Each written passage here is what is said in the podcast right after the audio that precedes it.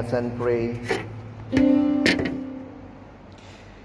Father, we thank you for this wonderful opportunity for us to worship you and also time for us to listen to your words.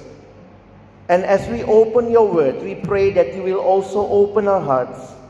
Help us not only to be the doers, uh, the, the listeners of your words, but help us to be the doers of your words.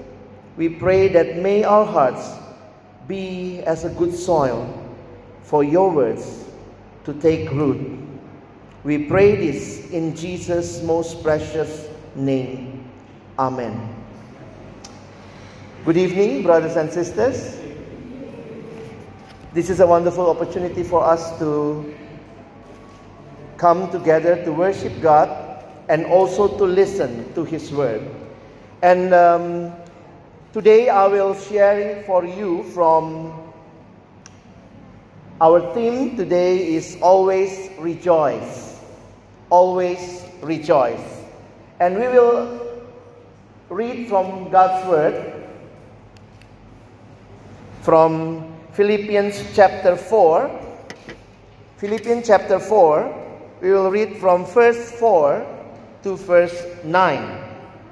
Philippians chapter 4, verse 4 to verse 9. If you want to read with me together, I have on the screen the translation of the NIV, New International Version. Okay, let's read together. I will read the first four. And brothers and sisters, you can read the first five. And then we will read uh, through verse 9. I will start from verse 4. Rejoice in the Lord always. I will say uh, it again, rejoice.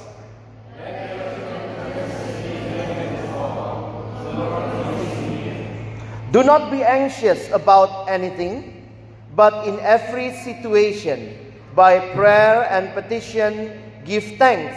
With thanksgiving, present your request to God.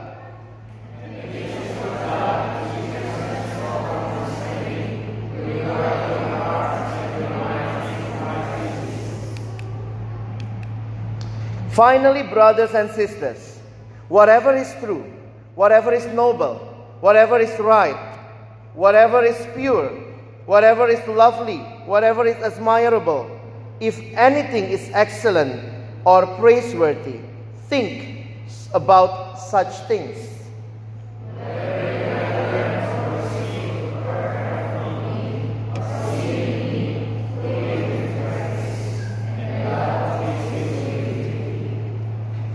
Always rejoice. Let me start with this question I want to ask you, brothers and sisters. What is the first thing that comes to your mind when you think of the word rejoice or joy? Smile. Smile. What else? Happy. What else? Grateful. Laugh.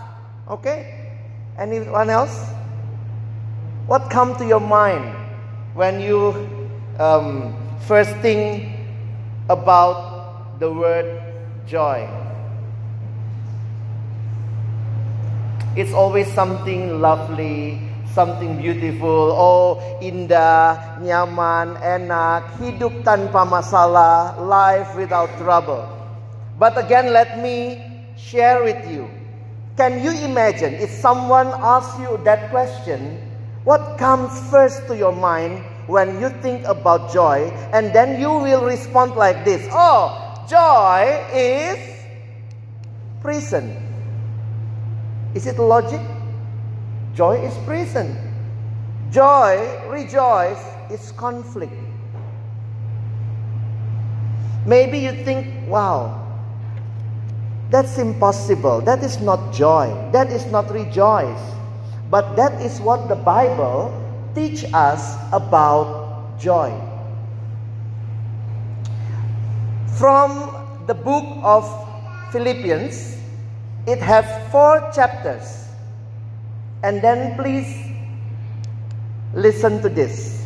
In these four chapters of the book of Philippians, 16 times Paul used the word rejoice or joy. And you know what, brothers and sisters?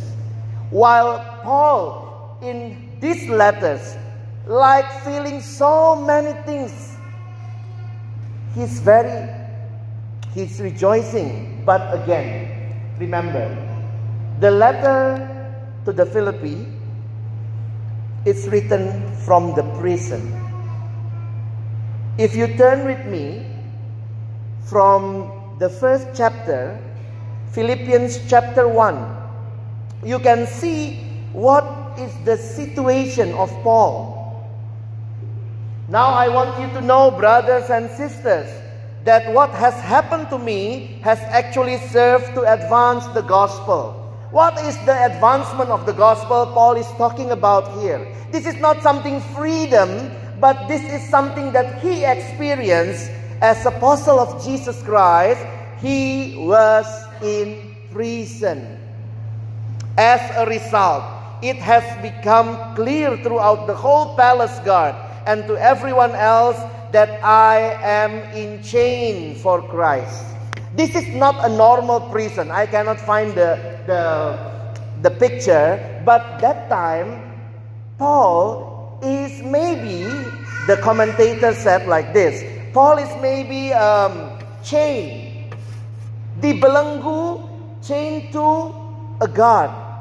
Maybe one guard or maybe two guards that will always taking place or having turn every six hours. Jadi kalau Bapak Ibu bisa membayangkan waktu itu modelnya Paulus ini tahanan rumah. Dia dibelenggu ke orang yang menjaganya. Jadi bayangkan, dia dibelenggu ke orang yang menjaganya dan setiap enam jam orang itu berganti. So, if 24 hours, there are at least four people were chained, bound with Paul. And you know what? What do you think Paul's saying to them? Just looking at them? No, he's sharing the gospel. That's why in this passage, he said even the palace guard, pengawal-pengawal istana, the palace guard, yeah, palace guard, and everyone else that I am in chain for Christ. They know the reason that Paul was in prison not because of stealing something, but because of Christ. And because of my chains, most of the brothers and sisters have become confident in the Lord and dare all the more to proclaim the gospel without fear. This is the situation from Paul the one who is writing this letter to the people. What else? Another thing in this letter, the background is about conflict. And the conflict is written in chapter 4, verse 2 until 3. There are two women I don't know whether the women law they like to quarrel one another. Usually people say ah memang perempuan nih mulutnya begitu ya. But this is what the Bible said. But something happened about these two women. Paul even mentioned their names. Eudia, I plead with Eudia and I plead with Syntyche. So these two women, who are they? They are not just an ordinary women. If you look at the first three, they are the women that also involved in the ministry. So maybe they're also the leader of the ministry. Can you imagine if the leaders, and that time the leaders is also women, and they quarrel one another, who will suffer? The church. Kalau pemimpin berantem, yang sengsara siapa? Jemaatnya. Karena itu Paulus meminta, I plead you, Eudia, I plead you, Syntyche. What is that? He asking them to reconcile one another. This is what happened in, um, this is what written in verse 3. Yes, and I ask you, my true companion, help these women, since they have contended at my side in the cause of the gospel, along with Clement and the rest of my co workers, whose names are in the book of life.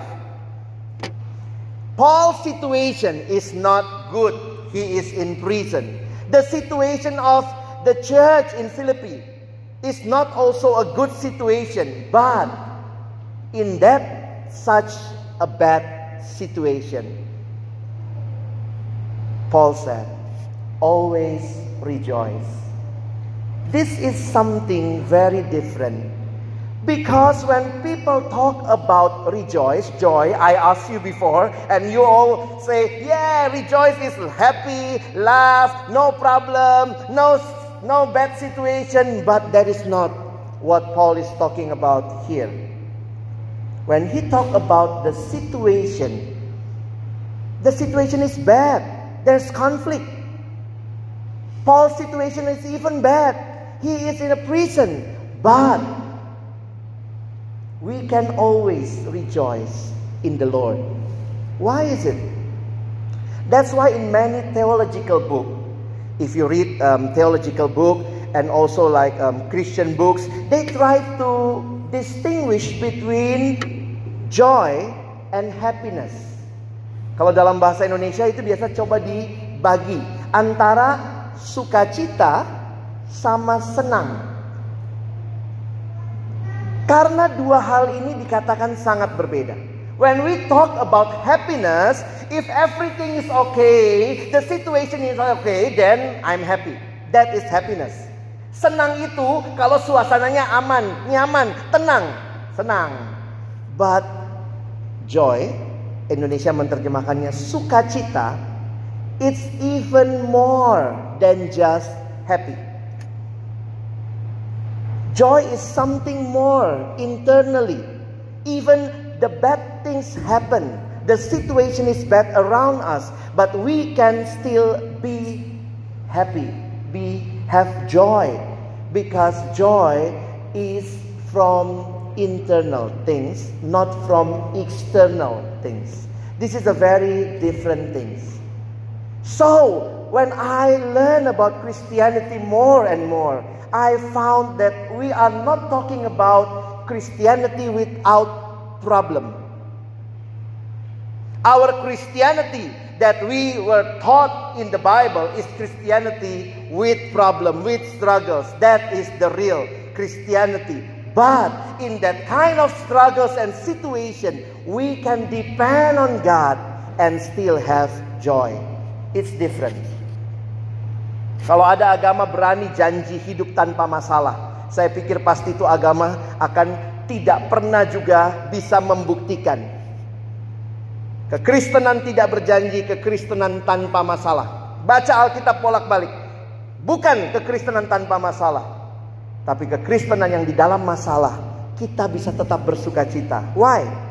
That is the situation that we want to learn from Paul. Why he can have that situation even in the, the uh, he can have an internal joy even the situation is not good. I will um, help you to go through the verses. We will see first in verse 4 Rejoice in the Lord always. I will say it again, rejoice. Brothers and sisters, this is chapter 4, verse 4.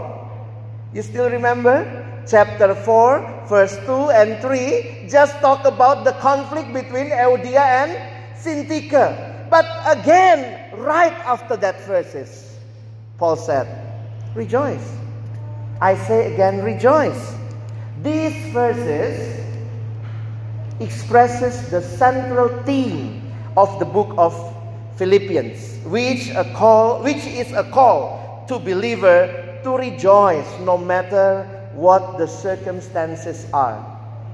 So, if you want to know what is the key verse of the book of Philippi, then verse 4, chapter 4, is the key verse.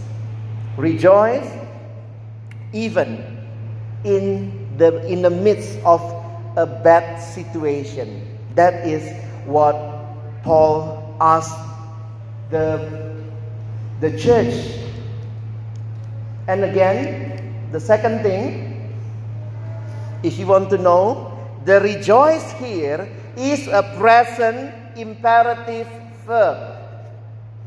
Bapak Ibu, kalau dibilang imperatif itu artinya perintah. This is not a suggestion. This is not a suggestion. Ya mbok ya sukacita. No, this is a command. This is imperative. Ini perintah saudara. A command that requires continual karena ini present imperative and also habitual rejoicing. Always rejoice. That is our theme. This is very biblical. But again, in the midst of this, the, um, the bad situation, I quote from one commentator. He said like this These in house differences and disagreement, sometimes in the church even, can have conflict. Dosen saya bilang gini saudara ya, yang mungkin men, mem, yang mungkin terjadi konflik itu karena deket, ya. So dalam hidup kalau saudara dekat sama orang itu maka mungkin ada konflik. Yang mungkin menyakiti kita itu karena dia dekat. Ada bapak ibu saudara yang minggu lalu disakiti oleh Donald Trump. Oh no, he's too far away. Not Donald Trump, who Uh, jadi siapa yang menyakiti kita minggu yang lalu? Our husband, our wife, our friends at school, in campus, our colleague at work. So I think this verse is really relate to us. Disagreement, differences should not prevent the Philippians from rejoicing.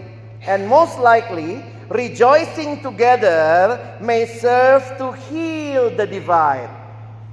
So when we rejoice together, even in a, such a conflict, then we can see more clearer what is the real situation.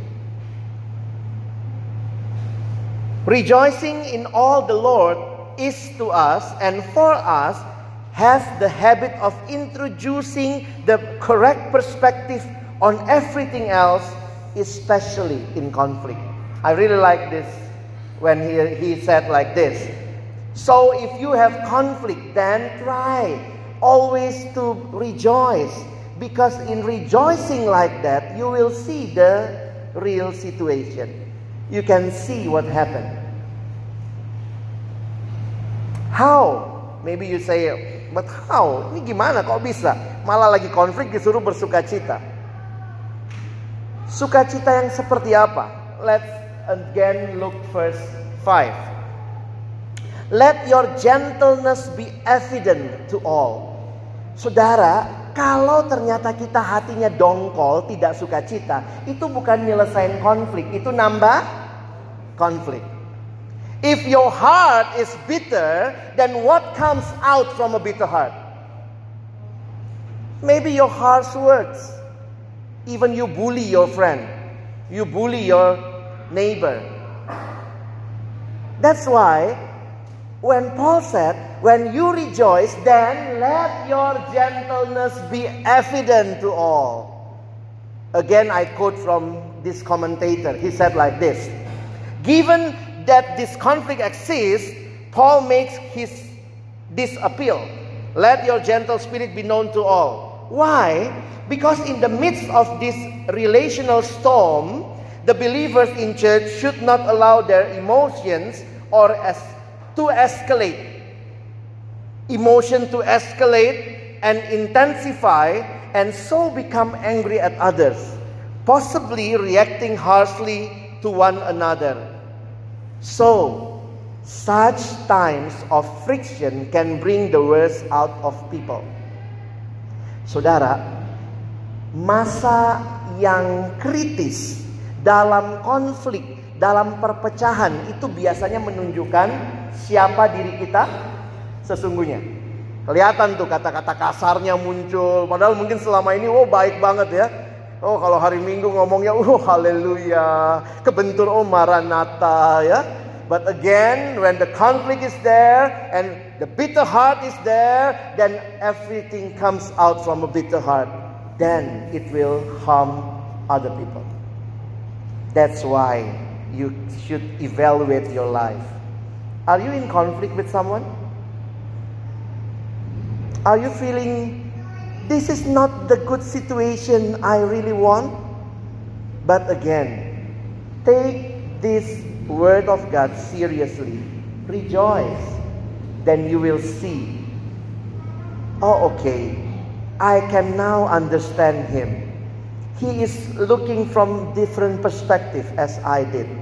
So then we can have a reconciliation.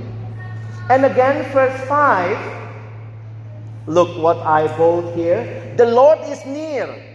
Is it like want to scare the church?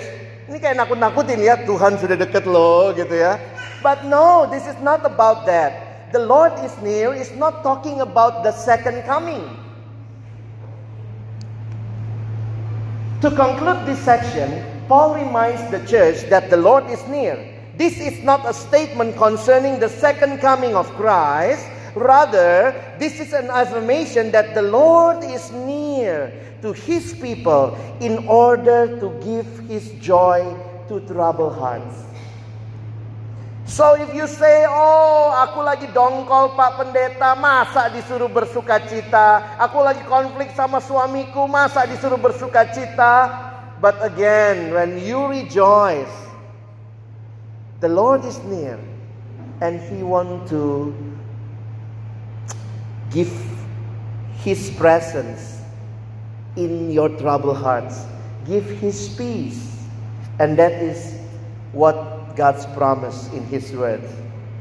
So, this is a simple this is a simple reminder of Christ's closeness to his people in a time of unrest to grant his peace to calm hearts. Sometimes this is a mystery, brothers and sisters. Kadang-kadang kau lucu banget ya, nasihat Kristen beda banget sama di luar sana. Di luar sana kalau orang jahat sama kita, konflik sama kita, kita jahatin balik. But for us, always rejoice. Even in conflict, rejoice. When you say rejoice, it means it's not the situation that control your inner peace. But let God Himself give you the peace. How is it possible? If you have a relationship with God, then you can know what is this inner peace all about.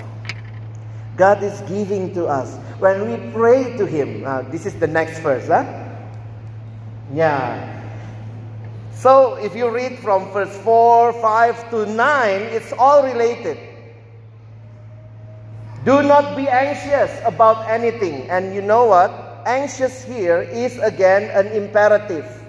Ini perintah. Jadi kalau kita khawatir atau kita bimbang, dosa. Ini perintah soalnya. Jangan kamu khawatir. Do not be anxious. Loh pak, tapi kan kita juga khawatir hidup itu susah kok. Sebenarnya anxious di sini, when we talk about anxious, let me give to you this situation. Anxious or worry is a failure to trust God. It's a failure to trust that God is in control. This kind of anxious, this kind of worry, that is God, what God prohibited here. Do not be anxious. So again, how? You and I, we need to trust in God. How is it possible? Ah, this number first 6. There are four. Um, sorry, I forgot to bold another two. Prayer, petition, thanksgiving, request. These all four things here It's about our relationship to God, and it's all about prayer. So when you're anxious, you know that God is in control. You put your trust to Him, it means you pray to Him. Posisi kita yang paling kuat bukan waktu kita sedang berdiri, tapi waktu kita sedang bertelut dan berdoa di hadapan Tuhan. Situasi tidak mudah, konflik tidak enak, tapi sukacita itu ada karena kita terus berserah dan bersandar kepada Tuhan. Kita bawa dalam doa-doa kita. Our prayer, our petition, what we ask God, our thanksgiving, our request to God. And you know what, brothers and sisters, this is what God promised us. And the peace of God which transcends all understanding. Saudara bisa bayangkan itu ya. Yang namanya sukacita, yang namanya damai yang melampaui segala akal. Sebenarnya terjemahan yang lain mau mengatakan begini, damai yang tidak bisa dijelaskan secara akal sehat atau secara pikiran. When we put our trust in God, even the situation around us is still the same, but God can give us the peace, and that peace is beyond our understanding. This is what I learned from my journey of faith. Sometimes God is not changing the situation, but He changed our hearts. Kadang kita doa Tuhan. Saudara waktu Paulus tulis surat ini, kemungkinan Paulus di penjara itu kurang lebih dua tahun. Dari akhir kitab kisah Rasul, kita tahu. Kalau mintanya Paulus, mungkin Tuhan saya bebas dari penjara. Tapi bukan itu jawaban Tuhan. Dia di penjara kurang lebih dua tahun. Tapi apa? Di tengah-tengah penjara itu, sukacita yang terus-menerus memberikan damai, the joy, the peace of God which transcends all understanding. Ini will guard our hearts and our minds. Ini two important elements in our life. Our hearts, our mind. Kata guard itu bahasa aslinya sama seperti dikasih satu pengawal pribadi. Ya. The result of casting our burdens on the Lord is to be unstressed, jadi nggak stres saudara, undisturbed, or as Paul says, to a peace that surpasses all comprehension. That is another translation. Beyond our understanding. Mungkin waktu orang lihat hidup saudara, orang bilang, ih kok bisa ya? Masih gitu situasinya. Tapi kok beda sekali sikap hidupnya. Ada peace beyond understanding. Paulus lanjut lagi. Then Paul continue verse 8. Finally, so this is like the closing statement. Finally, brothers and sisters, Paul is asking them to focus on God. This is how he said to them there are eight things that they should focus on. What, whatever is true, whatever is noble, whatever is right, whatever is pure, whatever is lovely, whatever is admirable, if anything is excellent, praiseworthy, these eight things, if you focus yourself on that, you will experience more and more God's peace in your heart. Saudara, ini bukan sedang training psikologi ya. Fokus sama hal-hal yang indah. Maka semua yang sedih-sedih lenyap. No, this is not about that. The situation is still the same. But you can think of all those beautiful things. Who provide all this? God. So it's more about focus ourselves on God. Brothers and sisters, I can do a magic trick. Saya mau main sulap. Saudara bingung kali ya, ini pendeta atau pemain sulap? In a count of three, I will make all of you disappear. Dalam hitungan ketiga, saya akan buat semua saudara hilang, ya. Okay? So prepare, be prepared. If you come with your friends, hold her hand or hold his hand. If you come with your spouse, hold his hand, her hand. In a count of three, I will make all of you disappear. Ready? One, two. Nggak usah tegang kali ya. Two and a half. Three. All of you disappear. This is a very simple thing about focus. If you focus yourself on your big problem, if you have a big problem, then you focus on your big problem and you said, Where are you, God? I cannot see you. Are you still with me? Why you are hiding yourself from me? If you focus yourself on your big problem, then you will ask, Where is God? But if you focus yourself on your big God, problem still there? Ada nggak? Ya ada juga ya, jangan bilang nggak ada lagi. Kalau kita fokus kepada Allah yang besar, ada masalah? Ada, tapi kecil. This is a matter of perspective. That is what Paul asked you and me. Think what is noble, what is praiseworthy, Sometimes if you are in conflict then what you think? Nanti kalau ketemu dia gimana gayaku ya? Gimana caranya supaya dia bisa lebih lebih rendah dari aku? Bagaimana supaya waktu rapat saya lebih kelihatan benar pendapatnya dari dia? You always think about defeating others, about turn others down, but when you think about these all eight beautiful things, then you will see. Praise God. He is giving all of this for us. And the last thing, whatever you have learned or received or heard from me or seen in me, again, Paul said, put into practice. Brothers and sisters ini kita ini pendengar firman yang luar biasa ya. Kadang-kadang hari Minggu datang gereja dua kali ya. Sudah banyak dengar. Sekarang masalahnya lakukan.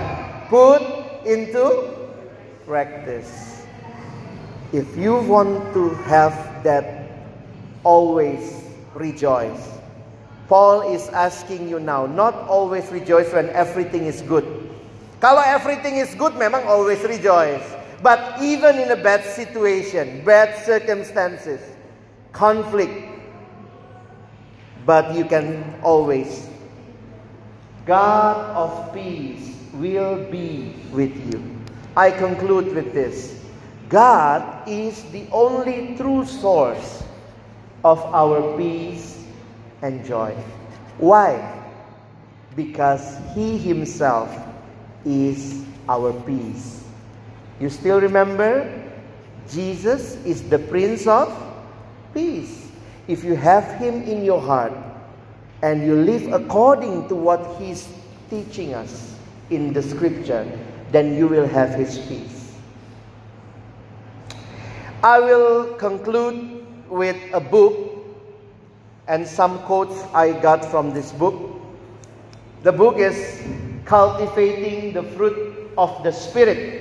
It's from Christopher Wright. It's already translated in bahasa. Jadi kantor kami menerjemahkan buku ini ini dalam bahasa Inggrisnya saya kutip buat kita. What interesting thing. Paul is telling us. Christopher Wright is quoting the fruit of the Spirit. So again, Christian joy is the fruit of the Spirit. If we are talking about joy in Christian life, joy is not only connect with personality. Sometimes we say, oh ini mah memang orangnya sanguin pak. Makanya pak pendeta karena dia sanguin, dia kayaknya tidak punya masalah dengan joy. Always rejoice. No. When Christianity talk about joy, it's deep, deeper. It's not only about personality.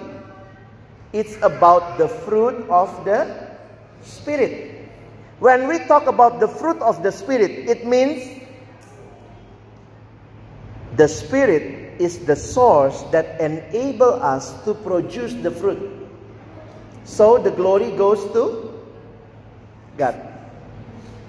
Jadi yang namanya buah roh Bapak Ibu sekalian perhatikan ya. Buah roh itu bukan buah kita. Oh si Alex itu suka cita. Bukan. Hanya ketika roh kudus diam di dalam saya. Maka buah dari kehadiran roh kudus dalam diri saya lah sukacita itu. Karena itu Yesus ingatkan lagi kalau kita baca Yohanes, sukacitaku bukan seperti yang dunia berikan. Different. Dunia bilang, oh anak ini sukacita. Kenapa personalitinya sukacita? Dia orang E, extrovert. Oh no. The Bible said the the joy is the fruit of the spirit. Remember, you need to have a good relation with God so you can produce the Spirit. Why? Because joy is an essential feature of the life of Christian who are filled with God's Spirit and bearing the fruit of the Spirit. Jadi mari kita ingat sama-sama, kita ini butuh sukacita ya. Kita bukan cuma butuh kesenangan Bapak Ibu. Kalau kesenangan itu mesti beres semua di luar. Kita dunia kan makin gak beres ini. But we can have joy because joy is something God give internally. Ini penulisnya Christopher Wright. Sudah opung ya. 70-an tahun. Masih sering ke Indonesia juga. Kalimatnya menarik sekali. Dia menutup pembahasan tentang joy. The Bible shows us very clearly that God not only wants us to be joyful, but commands us to be. Perhatikan baik-baik ya. Alkitab jelas memberikan pemahaman kepada kita. Tuhan bukan hanya mau kita sukacita. Tuhan perintahkan kita sukacita. Waktu saya baca ini saya baru ngeh juga ya.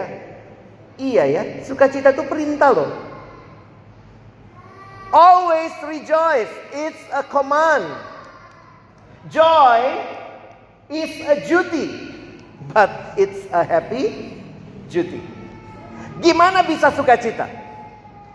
Put your trust in God. Jadi waktu kita mau terus bersuka cita berarti kita terus berserah pada Tuhan, terus percaya pada Dia, percaya yang Dia lakukan yang terbaik buat kita. Always put your trust in God. Christopher Wright bilang, tidak heran Paulus sampai dua kali ngomongnya. Paul was happy to repeat the command, so let's obey it. Hah? Diulang dua kali, benar kan? Coba lihat. Rejoice in the Lord always. Harusnya titik ya. Kayaknya kurang gitu. Paulus tahu ini kalau lagi konflik susah suka citanya ya. And again I say rejoice. Kalau kita nyanyi lagu itu kayaknya karena anak anak sekolah minggu jadi diulang-ulang. Rejoice in the Lord always. And again I say. Jadi kayak ece-ece nggak ada artinya ya. But this is His command. Why is not only once? Because maybe you and I it's very hard to do it. We need to be pushed twice. Rejoice. And again I say rejoice. I hope this evening from this sermon, you and I will learn together what is the joy, the real joy. So you can always rejoice because you know God is the one who is in control and you can be a blessing even to others in this situation, in this very bad situation that happened around us. Amen. Now it's time for Q&A. If you have a question or a response, please feel free. Just raise your hands and then um, tell me what your question and then we can share together with others. It's okay if you want to talk in bahasa or in English. I think it's uh, feel free. Silakan Bapak Ibu kalau ada pertanyaan.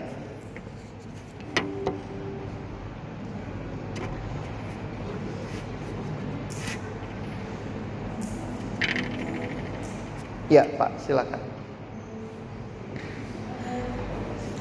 Thank you uh, for the opportunity. Uh, Uh, put our trust in God. Some of us uh, like me, I am a, good in calculating uh, everything. How about this, this, this, this?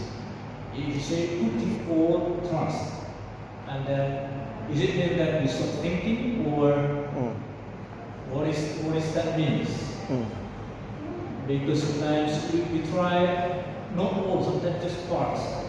We just uh, give our trust or several, or half our our to God, and then uh, the, the rest half is our thoughts. Hmm. It means my, my thinking is uh, I have to work as well. Not only put everything to God, but I have to do what I have to do. And Hmm. then uh, I could say that there is the reason for God to bless me because I am doing what I have, what I can do. Is that is that the main Hmm. or uh, is it another Hmm. explanation? Thank you. Thank you. So this, um, thank you for the good question. I think there's always a tension between um, put our trust in God and do our part. So again, I'm not saying that if we put ourselves in God, our trust in the Lord, then we stop doing things. Because the Bible is al- also giving us a good way of planning about planning things. If you remember in the book of James, if you want to go to this uh, city, you want to sell something, and even in the proverb, di dalam proverb itu ya kita disuruh belajar dari semut. Kenapa? Dia planningnya bagus sekali. Sebelum musim tiba, dia bisa planning makanannya. Begitu rupa. So, the Bible is not against planning. But again, if you see, especially in James chapter 4, you can see the connection. Do your planning, but again, be open that God will do His will through you, or maybe even change your plan. Because sometimes, if we say, I think all of us, we are trained to be a good God, or we are trained to, ya, kita tuh kayak udah terlatih jadi Allah ya. Kayaknya rasanya begini, Tuhan kalau saya jadi Tuhan kayaknya mesti begini hidupku. Bagusnya begini. Jangan ini istriku, harusnya yang tadi itu, yang itu ya. So we always think we are better than God in planning everything.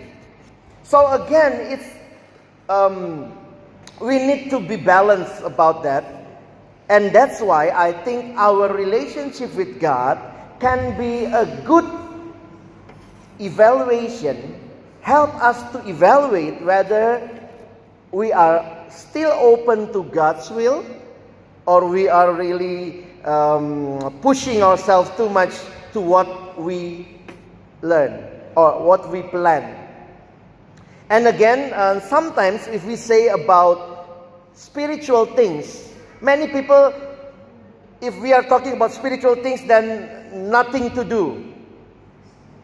I remember once a pastor said like this, seorang ibu in the mid uh, in- dalam seorang ibu waktu malam tengah malam anaknya sakit. Ibu itu tidak butuh tanda dari langit, tidak butuh ayat Alkitab untuk bawa anaknya ke dokter. Dia dengan logika berpikir seorang ibu, it's very logic to think if your son or daughter were sick uh, uh, sick at night, then you need to bring to to go to see the doctor. So sometimes we do not over spiritualize our situation. We also need to use our brain. But again, ask God that if I'm using my brain, this is what I'm thinking, but please, God, let me be open to maybe the things that you give me, even it's more dynamic. than what I'm thinking. I can give you many um, many stories from the Bible if you have time. But again, uh, the thing is like this. Let me quote one, one story. You can turn um, at home, you can turn to 2 Samuel chapter 5. You see, Paul, um, that time, David, the King David, he is facing the Philistine. So the Philistine come, oh, so they came to, to have the battle in um, valley of Rephaim. That is the name of the valley. The Philistine come, they come to uh, the valley of Rephaim, and in that story, it's written like this. Then David asked God. So after David asked God, he asking like this, God, should I go and fight them? And God say, okay, you go straight, fight them like water rushing to them. So the Philistine, they were defeated that time. Kalah Filistinnya. Eh, nggak lama, ceritanya di paragraf berikutnya, dibilangnya begini. Lalu datang lagi orang Filistin. Filistin nggak kapok juga ya. Datang lagi Filistin, di mana perangnya? Di lembah Rephaim lagi. Lihat ya, musuh sama, tempat perang sama. Kalau saudara jadi Daud, saudara mau ngapain? Do the same thing. Just rush them. We have experience about it. But you know what? I really humbled when I saw the Bible said, then David asked the Lord. Ini orang gila banget ya. Nanya lagi sama Tuhan. Kesimpulan saya apa? Daud maju berperang bukan hanya dengan pengalaman. Tapi dia selalu tanya lagi Tuhan. Even he did the same things again. Menariknya apa? Tuhan anti mainstream saudara ya. Tuhan bilang kali ini Daud jangan nerobos gaya maju. Coba berkeliling ke belakang mereka. Lalu kemudian serang mereka dari arah pohon kertau. What interesting about that?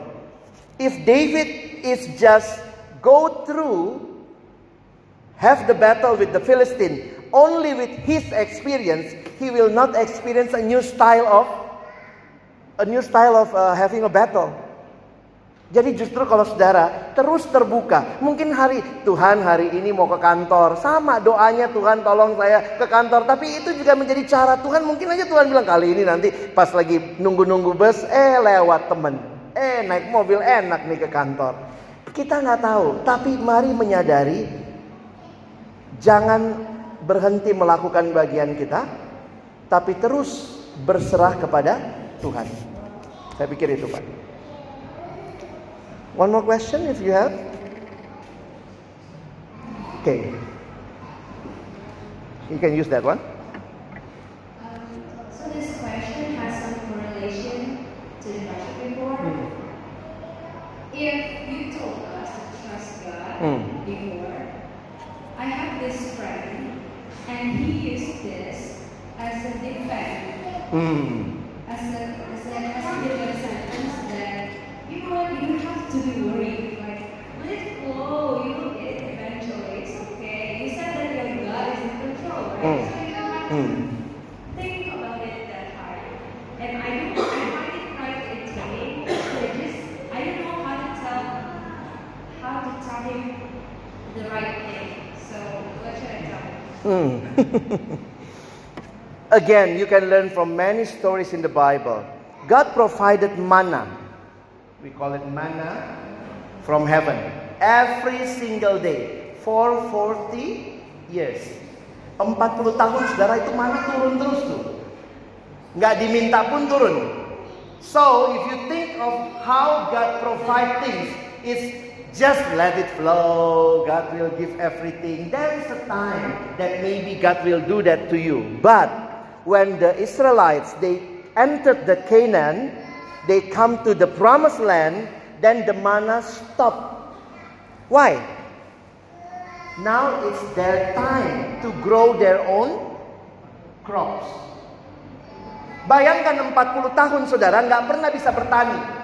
Karena mereka kan tiang awan, tiang api begitu. Begitu pindah, bongkar kemah pindah lagi. Ikut lagi tiang awan, tiang api jadi nggak pernah nanam cabai, nggak pernah bikin sambal gitu ya. Nggak pernah sempat. 40 tahun itu keliling terus. Makanannya dari mana? Dari mana? Jadi ada cara itu? Ada. Oh nggak usah khawatir. Besok Tuhan kasih mana lagi. Karena kita lagi di dalam padang gurun. But when they arrive in Canaan, and then after um, Joshua and all the tribes, they all divided the lands. Then you see what happened. Ada kalimat di kitab Yosua, maka mana itu pun berhenti turun. That is our part. Now God is giving us a new way of doing things in life, of getting getting uh, our life from what we cultivate. So I think your friend needs to know the God is our God is not only doing one thing. He can do like that, but in other thing, in Second Thessalonians chapter 3, Paul said, orang yang tidak mau kerja nggak usah makan. Ada kalimat itu. Why? Because that is the way of getting our life or providing our life.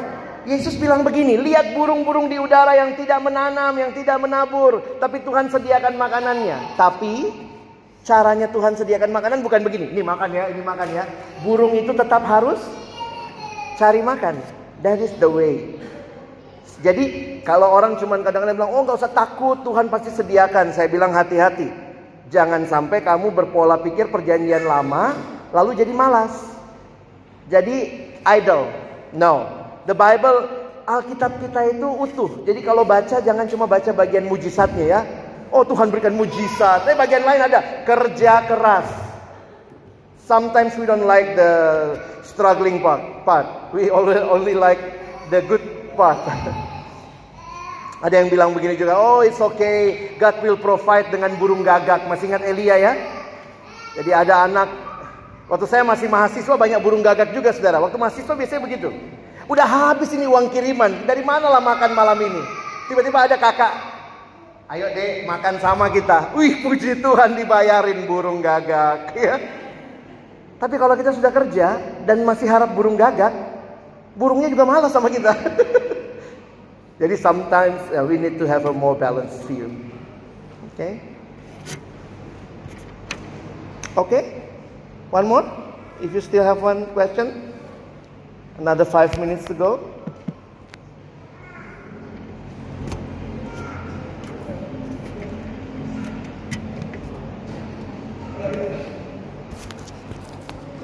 Oke, okay. kalau nggak ada nggak apa-apa ya. Itu menolong kita juga bisa lihat bagaimana Tuhan berkarya. I hope um, this evening we learn from the Word of God that we should put our trust in God more. Sometimes it's very hard for us because we always try to do our best, and sometimes we think that our way is the best. Actually, I have uh, the last, the last, um, the last slide. Um, we need to have a more balanced view, the freedom of letting go, let go and let God. Sometimes, like this, we have our own plan, but we always need to give our hands to God. Remember Jesus? If this is your will, but not my will, but your will be be done. Sometimes it's not easy teman-teman ya, karena apa ya? Kita tahu, kita rasa yang kita tahu itu yang terbaik. Kalau rencana kita kita berikan kepada Tuhan, lalu beda sama rencananya Tuhan, harusnya rencana siapa yang diubah?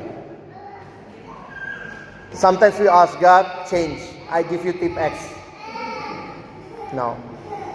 Saya tutup dengan cerita ini dalam bahasa Indonesia aja ya biar cepat ya. Ini cerita tentang seorang pemuda dalam masa mudanya senang naik gunung. Wah dia naik gunung lah. Tapi ya dasar anak muda ini juga nggak mau sama temennya dia naik gunung sendiri. Waktu dia naik gunung sendiri, makin jauh, makin jauh, makin malam dia naik. Eh waktu pulang udah gelap banget. Tidak punya senter, lampu HP sudah lobet. Malam sangat gelap. Cari jalan turun sendiri. Nggak tahu apa yang harus dilakukan. You know what? Dia taruh jari lima begini di depan mata aja nggak kelihatan. Saking gelapnya. Karena itu kan bukan di taman ya. Jadi waktu dia jalan, dia coba cari jalan turun, dia coba cari jalan turun, ternyata dia salah injak, dia injak jurang, tepi jurang, dia jatuhlah ke dalam dan dia jatuh begitu dalam, begitu dalam, dia coba menggapai, gapai, gapai, akhirnya dia bisa menggapai ada satu dahan. Ah, dia bisa gapai dahan itu. Dia pegang dahan itu dan kemudian dia mulai ketakutan. Berapa lama saya bisa pegang dahan ini? Aduh, gimana ini? Lalu ini ceritanya, ini cerita ya, jangan do not try this at home ya. Yang coba di rumah ya. Terus dia bilang begini. Katanya dia berdoa. Doanya begini. Halo. Ada Tuhan di atas sana? Lalu dari atas terdengarlah suara ya. Ini ini namanya juga cerita ya. Tuhan menjawab, "Ya anakku, ini aku. Ada apa?" Terus dia komplain lah, Tuhan saya jatuh begitu dalam, Tuhan tolong ini. Gimana saya nggak tahu berapa lama bisa pegang dahan ini Tuhan, gimana caranya? Apa yang harus saya lakukan? Lalu terdengarlah suara, lepaskan dahan itu. Dia diem. Lepaskan dahan itu, gile kali. Dia diem. Habis lama diem terus dia berteriak lagi. Halo, ada Tuhan lain. Oh, ternyata tidak ada Tuhan lain yang menjawab. Sampai pagi tidak ada jawaban.